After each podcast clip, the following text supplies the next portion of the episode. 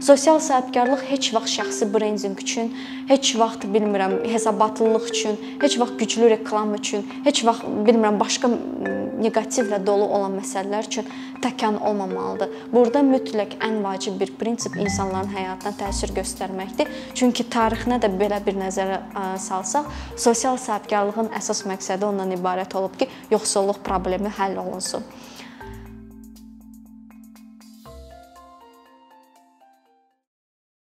Salam hər kəsə. Hər birinizə təşəkkür edirəm ki, heç nəyə baxmayaraq bu tədbirimizə qatılmısınız. Mənim üçün də çox böyük şərəfdir sosial sahibkarlıq haqqında danışmaq. Çünki Azərbaycanda bu yeni sahədir və indiyənə kimi çox güclü maarifləndirici tədbirlər, layihələr keçirilir ki, daha çox insana biz çata bilək bu mesajları ötürmək üçün. Özüm sosial sahibkar kimi fəaliyyət göstərirəm. Artıq 2 ilə yaxındır ki, bir sosial biznes layihəsi üzərində çalışıram və həmin biznes layihəsinin əsas məqsədi ondan ibarətdir ki, fiziki məhdudiyyəti olan qadınların və yaxud da fiziki məhdudiyyəti uşaqlı uşaqları olan anaların işsizlik problemini həll edək və biz bunu onların hazırladığı şinyatların satışı ilə həyata keçirdirik. Və bu layihə üzərində çalışarkən mən özüm gördüm ki, gənclərimizə, ümumiyyətlə bizim insanlarımıza bu mesajları biz mütləq şəkildə çatdırmalıyıq və eyni zamanda sosial biznes gənclər mərkəzini də yaratdım və biz müxtəlif maarifləndirici tədbirlər də həyata keçirdirik. Ümumiyyətlə sosial sahibkarlıq haqqında danışanda biz müxtəlif sorğular həyata keçirmişik gənclər arasında və həmişə bizim birinci sual bizi çox maraqlandırdı. Gənclərin fikirləri sizcə ümumiyyətlə sosial biznes biz həmişə belə bir sual vermişik. İlk sosial biznes hansı ölkədə yarana bilərdi və ikincisi sosial sahibkarlıq sizin üçün nə deməkdir? Və biz çox maraqlı cavablar almışıq. Birinci suala cavab əsasən bizə Amerika və Avropa ölkələri sadalanır. Heç kimin ağlına gəlmir hansı Afrika ölkəsi ölkəsinin və yaxud da Asiya ölkəsinin adını çəkmək, amma əslində bunun cavabı Banqladeş ölkəsidir. Banqladeşdə yaradılıb ilk sosial biznes layihəsi 1970-ci illərdə və sosial sahibkarlıq sualını verəndə isə e, gənclərə onlar düşünürlər ki, sosial sahibkarlıq elə bir sahibkarlıq növüdür ki, bu ancaq və ancaq sosial mediada yaranan bizneslərdir. Adi Facebookda, Instagramda yaradılan bizneslərdsə, deməli o sosial sahibkarlıq sayılır. Amma bu da düzgün cavab deyil, çünki sosial sahibkarlığın əsas məqsədi ondan ibarətdir ki, cəmiyyətdə hər hansı bir sosial problemi dayanıqlı şəkildə biznes modeli ilə onu həll etsin. Çünki biz uşaqlıqdan görürük ki, hər hansı bir sosial problem varsa, onu ya dövlət həll edir, ya onu beynəlxalq şirkətlər, təşkilatlar həll edir, ya QHT-lər həll edir, ya da xeyriyyə cəmiyyətləri. Amma bizə uşaqlıqdan çox vaxt demirlər ki, Biz bunu fərdi şəkildə özümüz də kiçik addımlarla, kiçik büdcələrlə də biz bunu özümüzdə həyata keçirə bilərik. Çünki biz elə bir cəmiyyətdə yaşayırıq ki, Bizim valideynlərimiz onlar tamamilə başqa dövrdə yaşayıblar və onlar bu dəyişiklikləri öz ətrafında edə bilmirdilər müəyyən səbəblərə görə. Və ona görə də biz bu şəkildə böyüdüyümüzə görə, bu stereotiplərlə böyüdüyümüzə görə biz ancaq media kanallarında digər ölkələrin кейslərini öyrənəndən sonra bu dəyişiklikləri öz ölkəmizdə edə bilərik. Və yaxud da bu ə, e, sosial sahibkarlıq necə başlayıb Azərbaycanda? Mən sizə onu deyə bilərəm ki, ilk sosial biznesi 2015-ci ildə Azərbaycanda yaradılıb Amerikalı xanım tərəfindən Azərbaycan corabları layihəsini yaratdı və o Qusarda əslində ingilis dili müəllimi kimi çalışırdı. Adı Tereza Hamlindir və gördü ki, oradakı Qusardakı xanımlar onlar böyük işsizlik problemini yaşayır. O nə etdi? Onların hazırladığı əl işlərini başladı Amerika və Avropa bazarlarına satmağa və beləliklə ilk Azərbaycanda sosial bizneslər başladı inkişaf etməyə. Ümumiyyətlə mən biraz tarixçə haqqında danışmaq istəyirəm, sosial sahibkarlığın, çünki onun çox maraqlı tarixçəsi var və Banqladeşdə yaradılıb 1970-ci illərdə Banqladeş çox böyük yoxsulluq problemi yaşayırdı və Amerikada təhsil almış bir Banqladeşli gənc Məhəmməd Yunus adlanır. O Amerikadan Banqladeşə qayıdandan sonra gördük ki, burada əsas problem bu yoxsulluğun əsas e, səbəbi ondan ibarətdir ki, əhalinin çoxusu qadınlar təşkil edir və qadınlar e, öz potensialını istifadə edə bilmirlər ki, ölkənin iqtisadiyyatına töhfə verə bilsinlər. Çünki onlar məsələn öz işlərini yaratmaq istəyirdi, bankdan kredit götürə bilmirdilər. Birincisi, ikincisi isə ya götürsələr də belə o qədər yüksək faiz onlara verilirdi ki, bütün qazancları gedirdi o faizlərin ödənilməsinə. Və o gedirdi bir-bir qapı-qapı gəzirdi ilk onun sorğusu, yəni araşdırması başlamışdı Bangladeşin Jobra kəndindən və Jobra kəndində gedib bir-bir qapı-qapı gəzib həmin qadınların ehtiyaclarını öyrənəndən sonra cibindən çıxardıb ilk 20 dollarını vermişdi qadınların elə bir onların biznesinin investisiyası investisiyasını kimi onu yatırım etmişdi. Və o heç vaxt bilməzdi ki, onun yaratdığı bu ə, səylər nə vaxtsa böyük miqyasda təsir göstərə biləcək bütün dünya üzrə. O Grameen Bank adlı bir biznes yaratdı. Bu dünyada ilk bank idi ki, birincisi mikrokredit anlayışını iqtisadiyyata gətirdi. Mikrokredit nə deməkdir? Çox cüzi faizlə kiçik məbləğdə kreditlər verilirdi ki, həmin qadınlar öz işlərini başlaya bilsinlər. Və bu bankın əsas məqsədi ondan ibarət idi ki, gəlir qaz gəlir qazanırdı, amma gəlirləri maksimallaşdırması deyildi. Həmin o qadınların işsizlik problemini həll etmək idi. Və ə, ikincisi isə ə, bu kreditlər ilk dəfə dünyada tam etibar əsasında heç bir sənədləşmə olmadan, heç bir girov götürülmədən həmin qadınlara verilirdi. Və həmin qadınlarla da şərt ə, e, kəsilirdi ki, onların övladları heç yerdə gedib iş axtarmasınlar. Özləri kim kimisə üçün iş ə, e, yerləri açsınlar və plus ə, e, həmin qadınlar niyə vaxtı vaxtında həmin o kreditləri ödəyirdi? Çünki onlara fərdi şəkildə heç vaxt verilmirdi. Həmişə qrup şəklində, məsələn, bir məhəllədə bir-birini tanıyan qadınlar qrup şəklində müraciət edirdilər və onlara həmin o kreditlər verilirdi. Və onlar bilirdilər ki, bir-birinin yanında onlar o ə, e, söz verirdilər və əgər sözün üstündə durmasaydılar, onların adı pis çıxacaqdı bütün kənddə. Və bu psixoloji faktorlar çox araşdırılırdı. Ümumiyyətlə Məhəmməd Yunus sosial araşdırmalara çox, həddindən artıq çox enerji vaxt ayırırdı ki, onun bütün layihələri də uğurlu olsun. Və o sosial biznesləri ə, təyin etmək üçün 7 prinsip yaratdı və ümumiyyətlə bütün dünya üzrə bu ə, beynəlxalq standartdır ki, hər hansı bir sosial biznes yarananda bu mütləq 7 prinsip əməl olunmalıdır. İlk prinsip ondan ibarətdir ki, bu ə, sosial biznes digər bizneslərin əsas fərqi ondan ibarətdir ki, burada əsas məqsəd gəlirlərin maksimallaşdırılması deyil. Burada əsas məqsəd cəmiyyətin hər hansı bir sosial problemini həll etməkdir. Bu da mən sizə deyim, korporativ sosial məsuliyyətdən çox böyük bir fərqi var. Nə deməkdir? Məsələn, X şirkət o milyardlarla dollar büdcə ayıra bilər ki, hər hansı bir sosial problemə həllinə dəstək göstərsin. Amma o X şirkət heç vaxt özünü sosial biznes saya bilməz. Çünki siz ondan soruşsaz ki, sizin əsas məqsədiniz nədir? O heç vaxt deməyəcək ki, mənim əsas məqsədim sosial problemi həll etməkdir. Baxmayaraq ki, o küllü miqdarda büdcə ayırır ki, həmin o insanlara dəstək göstərsin. Amma sosial biznesdən biz direktordan, komandadan biz soruşanda adicə sizin məqsədiniz nədir? O həmişə deməlidir ki, bizim əsas missiyamız bu sosial problemi həll etməkdir.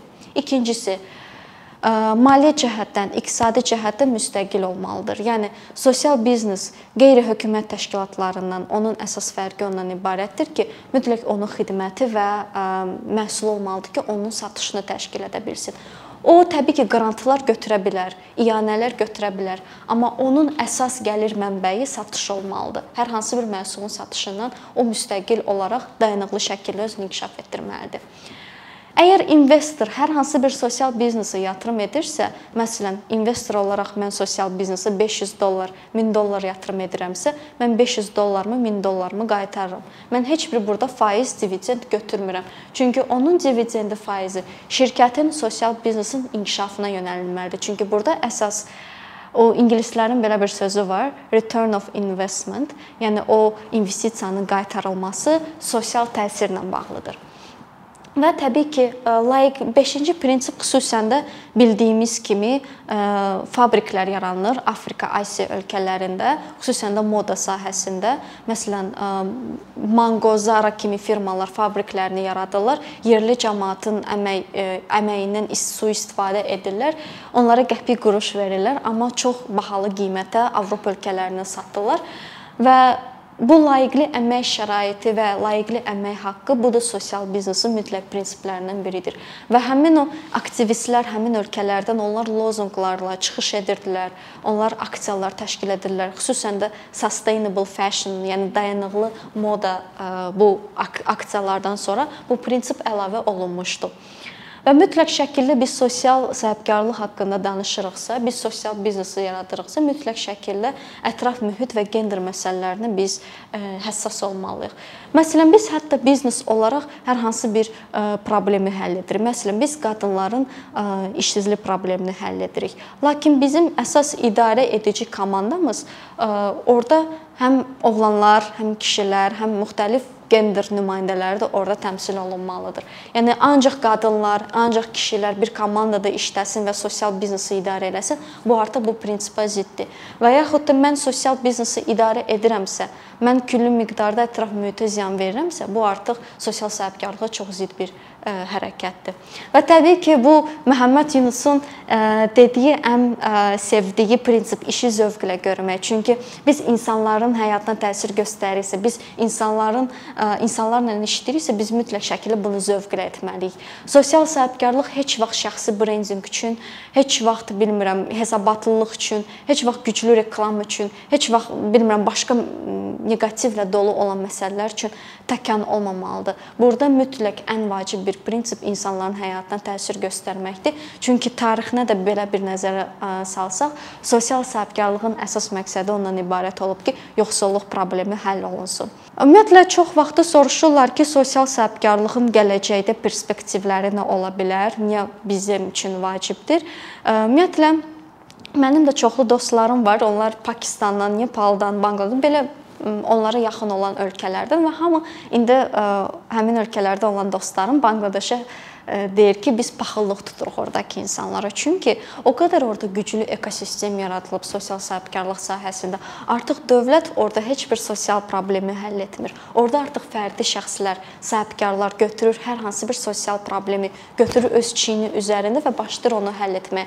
Və Forbes-ın və Dünya İqtisadi Forumunun statistikasına əsasən yaxın 30 ildə Banqladeş dünyanın ən güclü iqtisadiyyatına malik olan ölkələr sırasına düşəcək. Çünki əvvəl əvvəl məsələn dövlət məsələn fiziki məhdudiyyəti olan insanların ə, pensiya verirdi, öz büdcəsinə nə isə yatırımlar edirdi. Artıq məsələn sosial sahibkarlıq ekosistemi qurulandan sonra həmin insanlar sahibkar olur və büdcə artıq vergi ödəyir. Və onlar ə, özünüz də bilirsiniz ki, iqtisadiyyat məsələndə dövlət büdcəsi vergilərlə daha çox məsələn inkişaf edir və daha çox o problemi həll edə bilir və güclənir. Ümumiyyətlə Azərbaycanda niyə sosial sahibkarlıq baxmayaraq ki, 2015-ci ildə bu haqqda danışılır daima.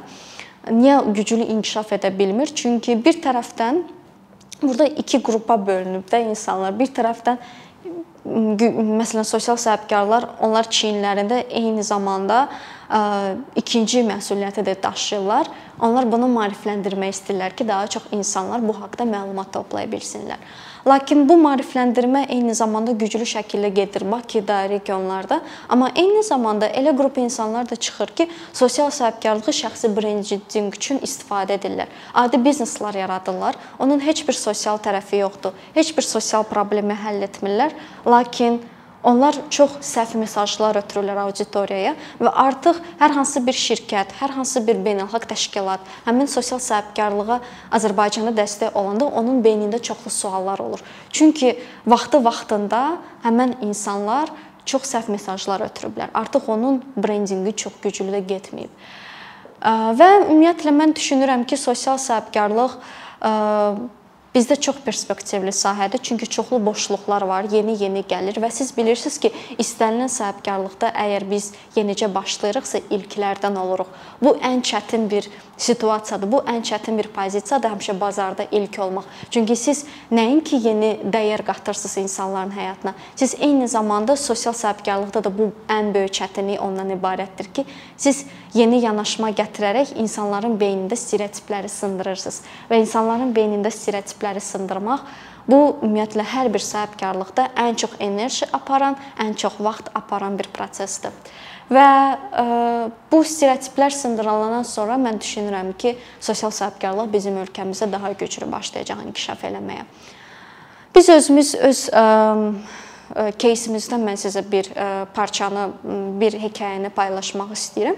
Biz ilk dəfə xanımlarımızı öz biznesimizə cəlb edəndə özüm tək başlamışdım bu işə Bir-bir gedirdim, qapı-qapı gəzirdim, həmin xanımların şəraiti ilə maraqlanırdım. Həmin xanımlar mənə demişdilər ki, biz evdən çıxmaq istəmirik. Biz ümumiyyətlə heç bir master-klassa qatılmaq istəmirik. Biz artıq hər şeydən bezmişik. Çünki biz 40-50 yaşımız var və bizə daima deyirlər ki, biz heç nəyi bacarmayacağıq. Və ə, biz gəldik, mütəmadi olaraq 1 il ərzində onlarla çalışdıq və biz artıq 1 yaşımızı qeyd edəndə, onları artıq dəvət edəndə öz tədbirimizə onlar bizə dedilər ki, nə yaxşı ki, siz bizi ə, dəvət etmisiniz, çünki ə, biz ilk dəfə düşündük ki, biz mütləq evdən çıxmalıyıq, özümüzü inkişaf etdirməliyik. Çünki evdən də kənar başqa bir dünya var və biz insanlarla ünsiyyət qurmalıyıq ki, özümüz də inkişaf edək. Və bu bizim ən böyük uğurumuzdur. Çünki biz əgər 40-50 yaşlı xanımların, xüsusən də bu qədər çətin qrupdur. Yəni fiziki məhdudiyyəti olan xanımlarda psixoloji problemləri var, kompleksləri var. Biz sadəcə onlarla çalışmışıq mütəmadi olaraq və ondan sonra biz artıq gördük ki, əslində sosial sahibkarlıqda bayaq da qeyd etdiyim kimi ən böyük çətinlik və ən böyük uğur insanların beynində stereotiplərin sındırılmasıdır.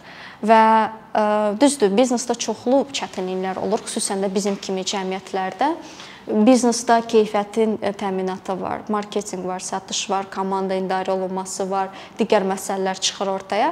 Amma sosial sahibkarlıqda bununla əlavə siz eyni zamanda öz çiyinlərinizə sosial problemin həllini götürürsüz və bu sosial problemi biz həll ediriksə, bu o deməkdir ki, biz yeni yanaşma gətiririk, yeni dəyər qatırıq insanların həyatına və sosial sahibkarlıqda da, digər sahibkarlıqda da kimi komanda işi çox vacibdir ki, komanda bilməlidir ki, niyə bu layihəyə qoşulur, niyə bu ə, məqsədə doğru gedir və o mütləq şəkildə bu missiyanı tam anlamalıdır. Yəni eyni dəyəri olan insanlar sosial sahibkarlıqda çalışdıqda onlar daha çox birlikdə uğurlar qazana bilər.